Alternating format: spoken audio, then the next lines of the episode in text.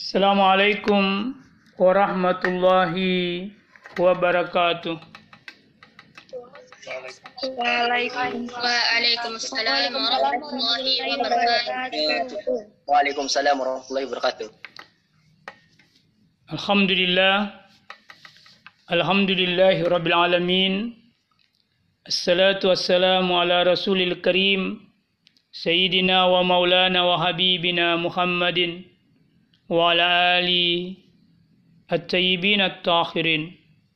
اللهم صل وسلم وبارك على مولانا محمد وعلى آله الطيبين الطاهرين. اللهم إني أقدم إليك بين يدي كل نفس ولمحة وطرفة يطرب بها أهل السماوات وأهل الأرض.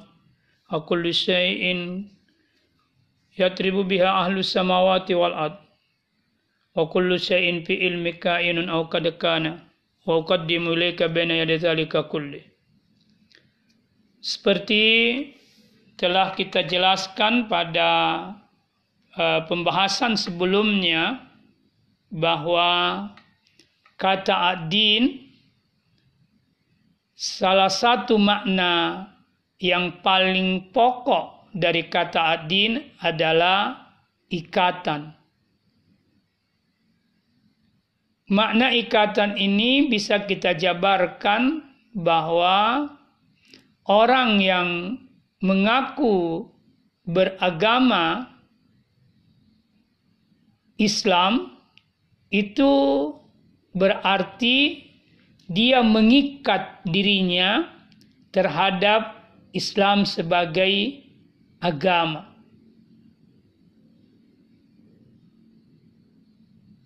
Dalam makna seorang Muslim mengikat dirinya kepada Islam sebagai agama yang dianutnya, itu ada tiga bentuknya.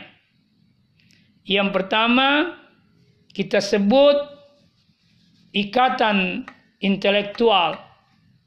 Yang kedua, kita sebut ikatan emosional. Dan yang ketiga, kita sebut ikatan spiritual.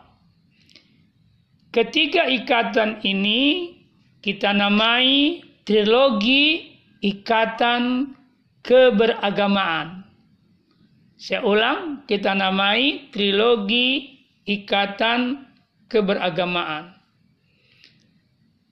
Ketiga ikatan ini, kalau kita uh, pahami berdasarkan logika matematik, kita bisa berkata ketiganya itu segitiga sama sisi. Artinya, tidak ada satu sisi dari tiga sisi ini yang menonjol.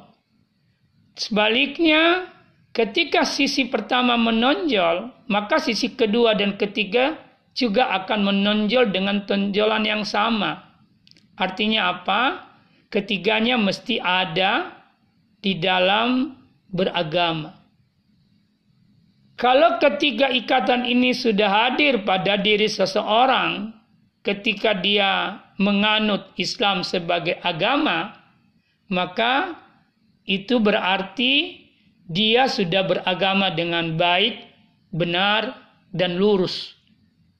Nah, apa yang dimaksud dengan ikatan intelektual?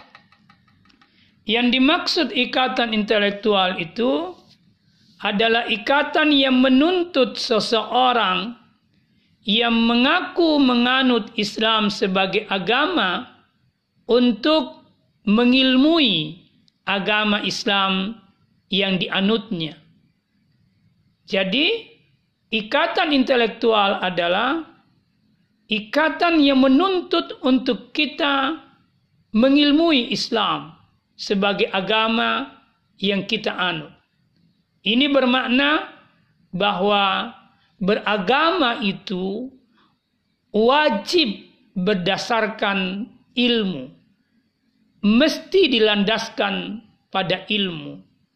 Tidak ada yang namanya beragama dengan kebodohan. Saya ulang, tidak ada namanya beragama dengan kebodohan.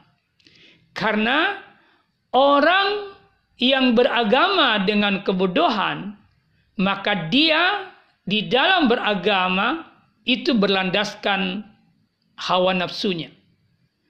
Tetapi kalau orang beragama berlandaskan ilmu, maka dia beragama berlandaskan akal dan kesadarannya. Karena itu beragama harus berlandaskan kesadaran dan akal. Itulah sebabnya agama itu hanya diperuntukkan kepada mereka yang berakal. Berbeda kalau orang beragama dengan landasan kebodohan atau tanpa ilmu, maka dia sikapnya dalam beragama itu akan menjadi gulul atau dia bersikap ekstrim dalam beragama. Ini sangat sikap sikap ekstrim dalam beragama sangat berbahaya di dalam kehidupan sosial religius. Itulah sebabnya sekali lagi ikatan intelektual dalam beragama sebuah kemestian. Yang kedua, ikatan emosional, yakni ikatan yang menuntut seseorang yang menganut agama untuk merasa memiliki agama yang dianutnya. Dengan demikian, ia mencintai agama yang dianutnya. Dia rela berkorban terhadap agama yang dianutnya. Itulah sebabnya eh, seorang muslim yang rela mati syahid demi membela Islam sebagai agama yang dianutnya itu wujud daripada eh, ikatan emosional terhadap agama Islam yang dianutnya. Dan mati syahid adalah salah satu eh, kedudukan spiritual yang sangat ditinggikan oleh Allah Subhanahu wa taala. Salah satu wujud daripada ketinggian kedudukan mati syahid ini adalah eh, dia eh, selalu merasakan kenikmatan dari Allah Subhanahu wa taala. Dia selalu diberi kedudukan kemuliaan di sisi Allah Subhanahu wa taala. Maka dia kelompok yang eh, dapat dipastikan untuk memperoleh kenikmatan-kenikmatan surga di sisi Allah Subhanahu wa taala. Ikatan yang ketiga disebut ikatan spiritual, yakni ikatan yang menuntut seseorang untuk menganut agama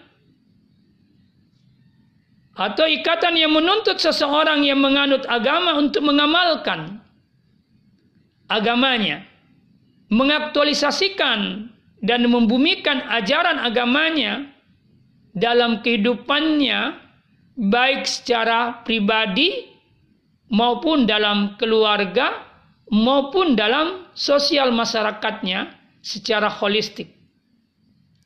Nah, ikatan ketiga ini itu menuntut pengamalan agama. Jadi bukan saja diketahui tapi justru juga harus diamalkan. Seperti saya katakan, bahwa ketiga ikatan ini seperti segitiga sama sisi.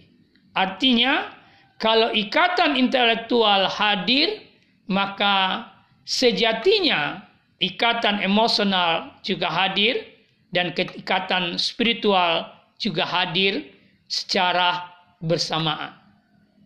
Nah, baik, kita lanjutkan menguraikan ketiga ikatan ini lebih dalam. Kita mulai dari ikatan intelektual.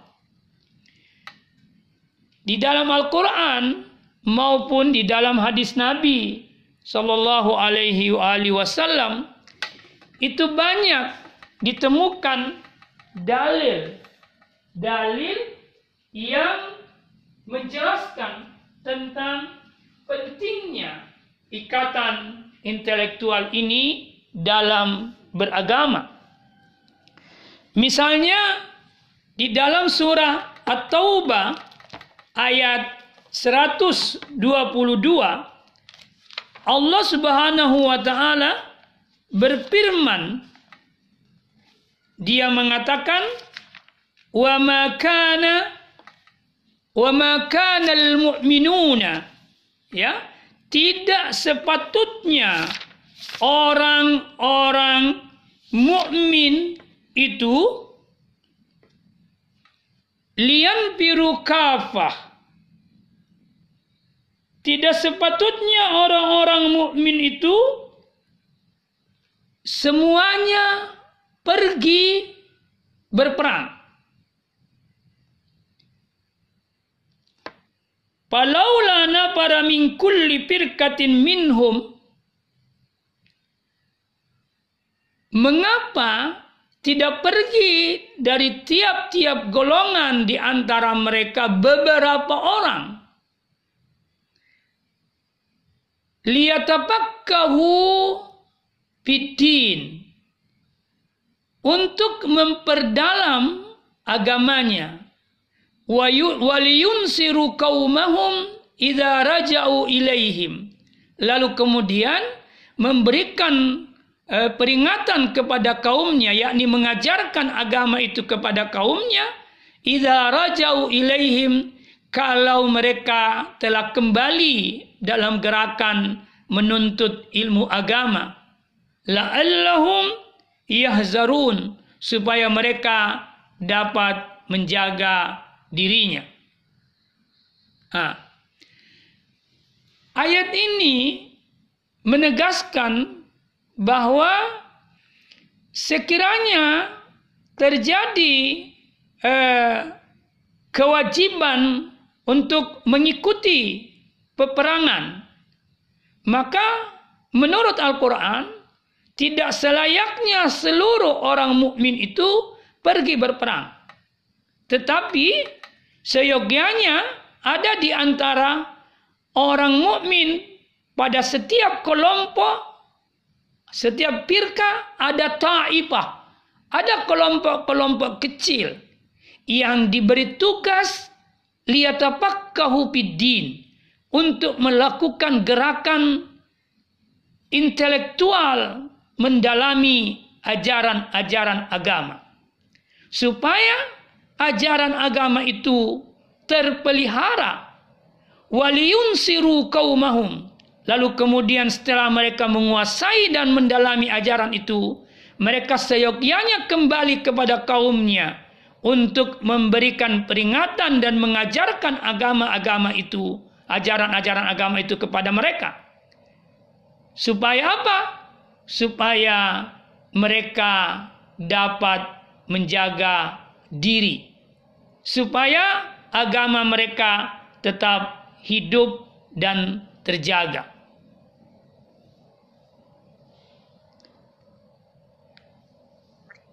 Jadi ayat surah At-Taubah 122 itu itu mengisyaratkan secara kuat bahwa di dalam beragama itu mesti kita punya ilmu dan mengilmui ajaran agama itu.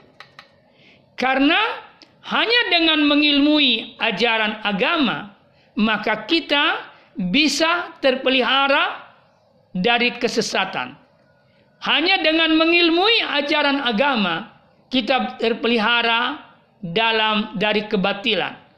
Hanya dengan mengilmui ajaran agama, kita bisa beragama dengan cara yang benar dan terbebas dari cara yang batil.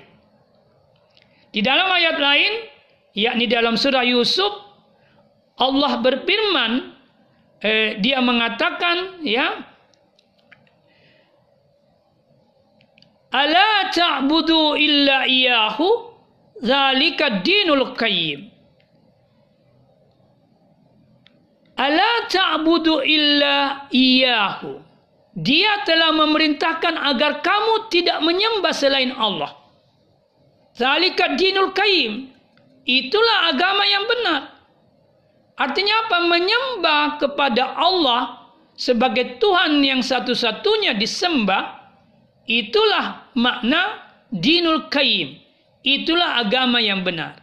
Tetapi Quran mengatakan walakin aksaran nas la ya'lamun. Tetapi kebanyakan manusia tidak mengetahui itu. Artinya apa? Penyembahan terhadap selain Allah atau melakukan penyembahan kepada eh, Tuhan-Tuhan yang dibuat-buat sendiri itu merupakan akibat dari kebodohan akan agama. Ini menunjukkan bahwa kebodohan akan agama itu bisa mengakibatkan orang terjatuh pada penyembahan kepada selain Allah Subhanahu wa taala. Itulah sebabnya musuh daripada agama itu adalah kebodohan. Bahkan Imam Ali pernah berkata, "A'zamul masaib al-jahlu." Kebodohan eh, musibah yang terbesar yang akan menimpa manusia itu adalah karena dia mengalami kebodohan terhadap agama. Kebodohan terhadap agama merupakan bahaya kemanusiaan yang paling besar, yang paling puncak. Kenapa? Karena akan mengantar manusia pada penjajahan kemanusiaan yang abadi apa yang dimaksud dengan penjajahan kemanusiaan yang paling abadi? Ketika ia telah menyembah sesuatu yang tidak pantas untuk disembah. Jadi orang yang menyembah selain Allah sebenarnya dia terjajah. Dan keterjajahan itu menggambarkan dia sudah mengalami musibah besar. Dan itu dia sudah mengalami apa yang disebut dengan malapetaka kemanusiaan yang paling mematikan. Sebaliknya, orang yang hanya menyembah Allah berdasarkan ilmu, berdasarkan pemahaman yang benar, merupakan orang yang merdeka. Kenapa? Karena dia hanya menggantungkan dirinya kepada Allah sebagai satu-satunya tempat bergantung yang pantas ditempati bergantung. Sementara selain Allah tidak pantas untuk ditempati bergantung karena atau bersandar karena selain Allah itu lemah. Dengan kata lain, orang yang merdeka adalah orang yang mampu melepaskan ketergantungan dirinya secara total dari makhluk, lalu hanya menggantungkan dirinya secara total kepada Allah Subhanahu wa taala dan itulah yang diajarkan oleh agama. Karena itu kita bisa berkata agama sesungguhnya akan mengantar manusia itu eh, menuju kepada kemerdekaan sejati yang ditunjukkan dengan hanya menyembah kepada Allah Subhanahu wa ta'ala.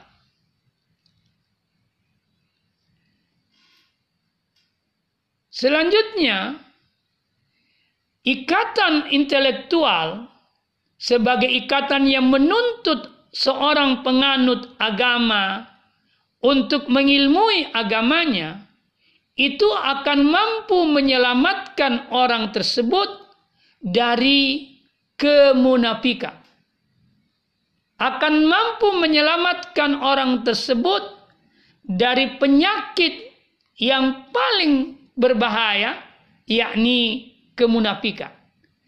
Kenapa dikatakan demikian? Karena kemunafikan itu sebenarnya bisa hadir dalam diri seseorang itu karena faktor penyebab kebodohan akan agama. Di dalam surah At-Taubah ayat 127 Allah berfirman, Wa idza ma unsilat surah nazara ba'duhum ila. Orang munafik itu kalau sebuah surah Al-Quran diturunkan, sebagian mereka melihat kepada sebagian yang lain. Lalu berkata, Hal yarakum min akhad. Apakah ada orang yang benar-benar beriman itu melihatmu, wahai munafik yang lain? Maka yang munafik yang lain itu mengatakan, tidak ada. Apa yang dia lakukan kalau tidak ada? Summan sarafu. Maka sesudah itu mereka meninggalkan tempat itu di mana Al-Quran diturunkan atau di mana Al-Quran dibicarakan dan dibahas, di mana Al-Quran dipelajari dalam konteks makna kekinian, apa akibatnya? Karena meninggalkan itu, sarafallahu kulubahum. Allah memalingkan hati mereka. Kenapa mereka bisa melakukan semua tindakan bodoh seperti itu? Kata Al-Quran, bi annahum qaumun la yabkahun. Karena mereka itu adalah kaum yang tidak paham agama. Jadi tidak paham agama merupakan ciri dari kemunafikan. Paling tidak orang yang tidak paham agama ketika dia mengaku beragama sangat mudah untuk jatuh dalam penyakit kemunafikan. Karena itu sekali lagi belajar agama adalah sebuah tuntutan untuk tidak jatuh dalam kemunafikan.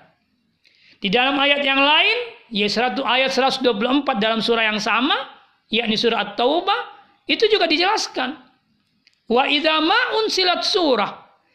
Ketika surah itu diturunkan, paminhum may yaqulu ayyukum sadatuhu hadhihi imana. Maka sebagian orang munafik itu akan berkata, siapa di antara kalian yang bertambah imannya dengan turunnya surah ini? Pertanyaan orang munafik itu di dalam ayat ini langsung dijawab oleh Allah. Fa'ammal ladzina amanu fazadathum imana wa hum yastabsirun. Adapun orang-orang yang betul-betul beriman, maka dengan turunnya Al-Qur'an yakni dengan membacanya membaca Al-Qur'an, mengkaji Al-Qur'an, mengilmui Al-Qur'an sebagai sumber ajaran, itu zadathum imana, mampu menambah keimanan itu menjadi sempurna. Wahum yastabsirun dan mereka gembira dengan mengilmui Al-Qur'an, dengan turunnya Al-Qur'an, dengan mentadaburi Al-Qur'an. Jadi apa? Ber, mengilmui agama itu salah satu faktor yang bisa menyebabkan iman itu terus bertambah dan bertambah sehingga dia sampai pada puncak keimanan yang menghasilkan kegembiraan bagi orang yang memilikinya.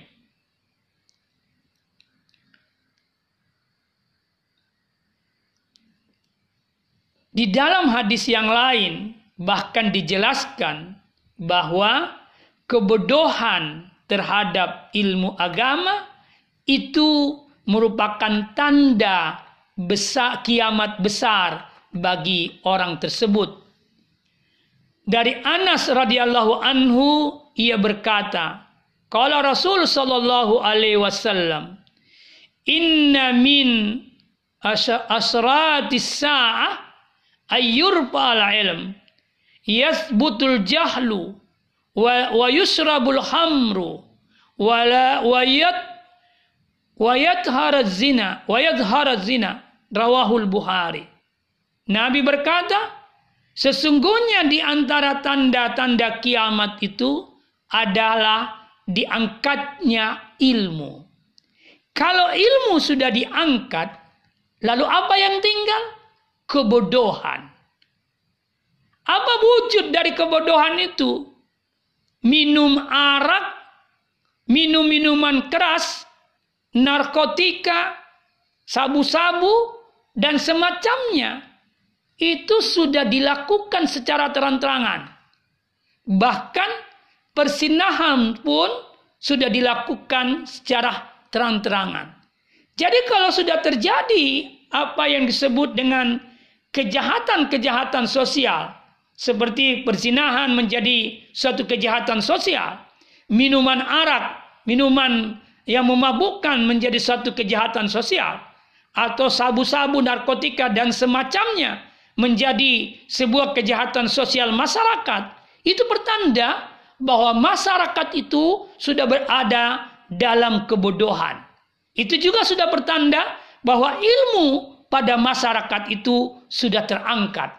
Salah satu bukti bahwa ilmu pada masyarakat seperti itu sudah terangkat, di masyarakat seperti itu tidak ada lagi tempat bertanya tentang agama yang kita kenal dengan nama al-ulamaul yahsallah, ulama yang takut kepada Allah. Berdasarkan hadis ini kita bisa berkata bahwa eh, ilmu atau ketiadaan ilmu agama dalam kehidupan seseorang atau dalam kehidupan keluarga atau dalam kehidupan masyarakat itu adalah salah satu bukti atau salah satu petanda kerusakan pribadi itu, kerusakan keluarga itu, kerusakan masyarakat itu. Ya. Bahkan kita bisa berkata kalau sudah terjadi kemungkaran-kemungkaran dan kemaksiatan-kemaksiatan dalam sebuah kehidupan itu juga menjadi tanda bahwa masyarakat itu adalah masyarakat neraka. Masyarakat seperti itu adalah masyarakat yang sudah mengalami kiamatnya atau kematian besarnya.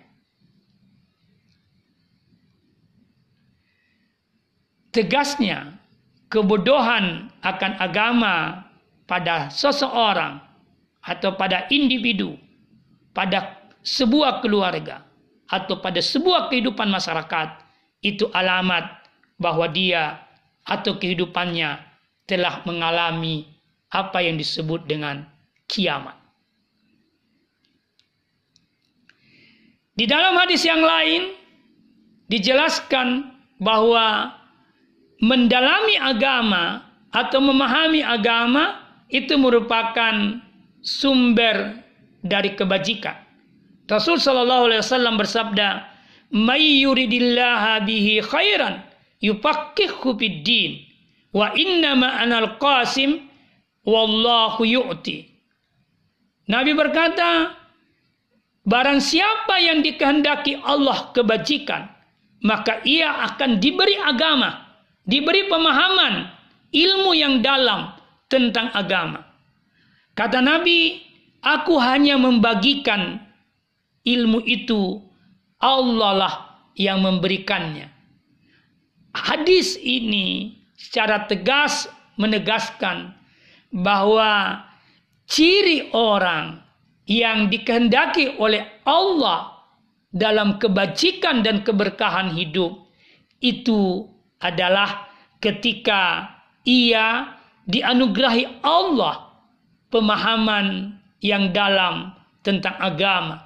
Ketika dia dimudahkan oleh Allah untuk mempelajari agama, ketika dia diberikan kecintaan kepada Allah, kepada kecintaan kepadanya untuk mempelajari dan memahami agama.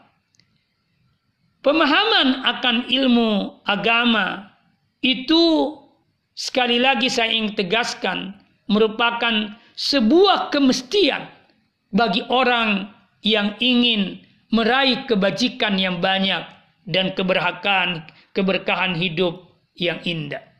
Kata Al-Qur'an, "Yu'til hikmata may yasha wa may yu'til hikmata faqad utiya khairan katsiran wa ma illa ulul albab." Allah mengenegarahi hikmah yakni pemahaman yang dalam tentang Al-Quran dan tentang sunnah Rasul kepada siapa yang dikehendaki.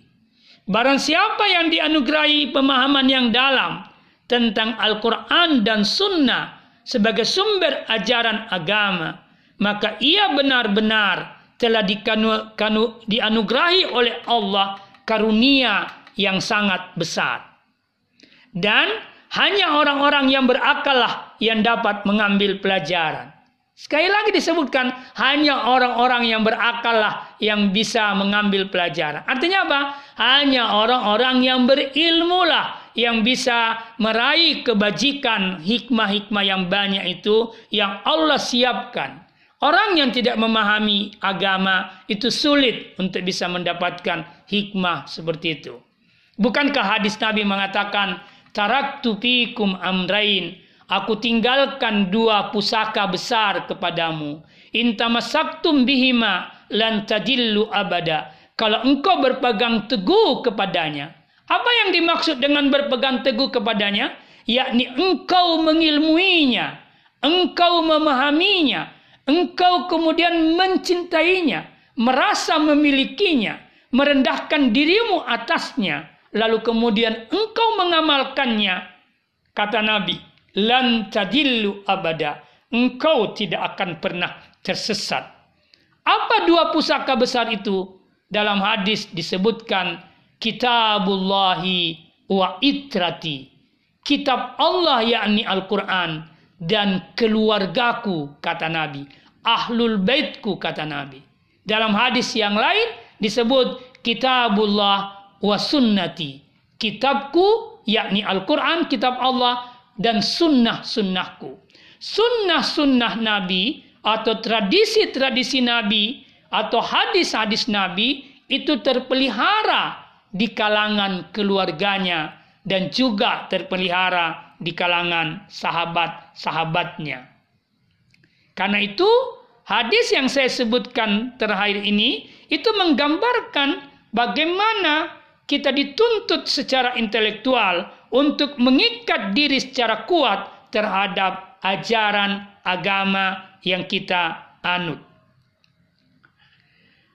Sebagai kesimpulan, saya ingin mengatakan bahwa kebodohan akan ilmu agama adalah sebuah musibah besar bagi orang yang mengaku beragama. Mengapa?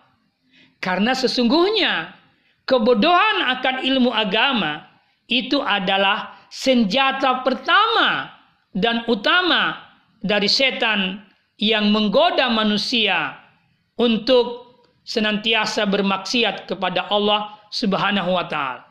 Itulah sebabnya mengapa setan senantiasa berusaha secara keras dan intens agar manusia tidak paham akan ilmu agama. Setan baru akan menggunakan senjata-senjata godaannya yang lain seperti harta, kekayaan, pangkat dan jabatan atau wanita dan pria atau apa saja yang merupakan langkah-langkah setan setelah ia gagal menggoda manusia menjauhi agama. Tapi kalau manusia itu sudah tergoda untuk tidak belajar agama, maka setan tidak perlu pusing. Karena orang yang tidak paham agama, tidak perlu digoda, dia juga akan jatuh dalam kemaksiatan. Itulah sebabnya setan paling takut pada orang-orang yang paham dan mengilmui agama. Karena orang-orang seperti ini sulit untuk bisa ditergelincirkan dari agama. Saya kira ini yang kita akan bahas uh, pada kesempatan ini Insya Allah ikatan yang kedua dan yang ketiga kita akan bahas pada kesempatan yang lain.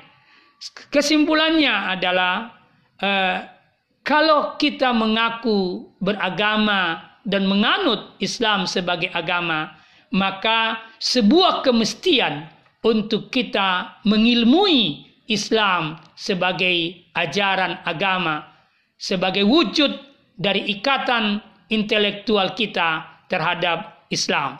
Terima kasih. Mudah-mudahan apa yang saya sampaikan ini memberikan manfaat yang besar. Billahi taufiq wal hidayah. Assalamualaikum warahmatullahi wabarakatuh.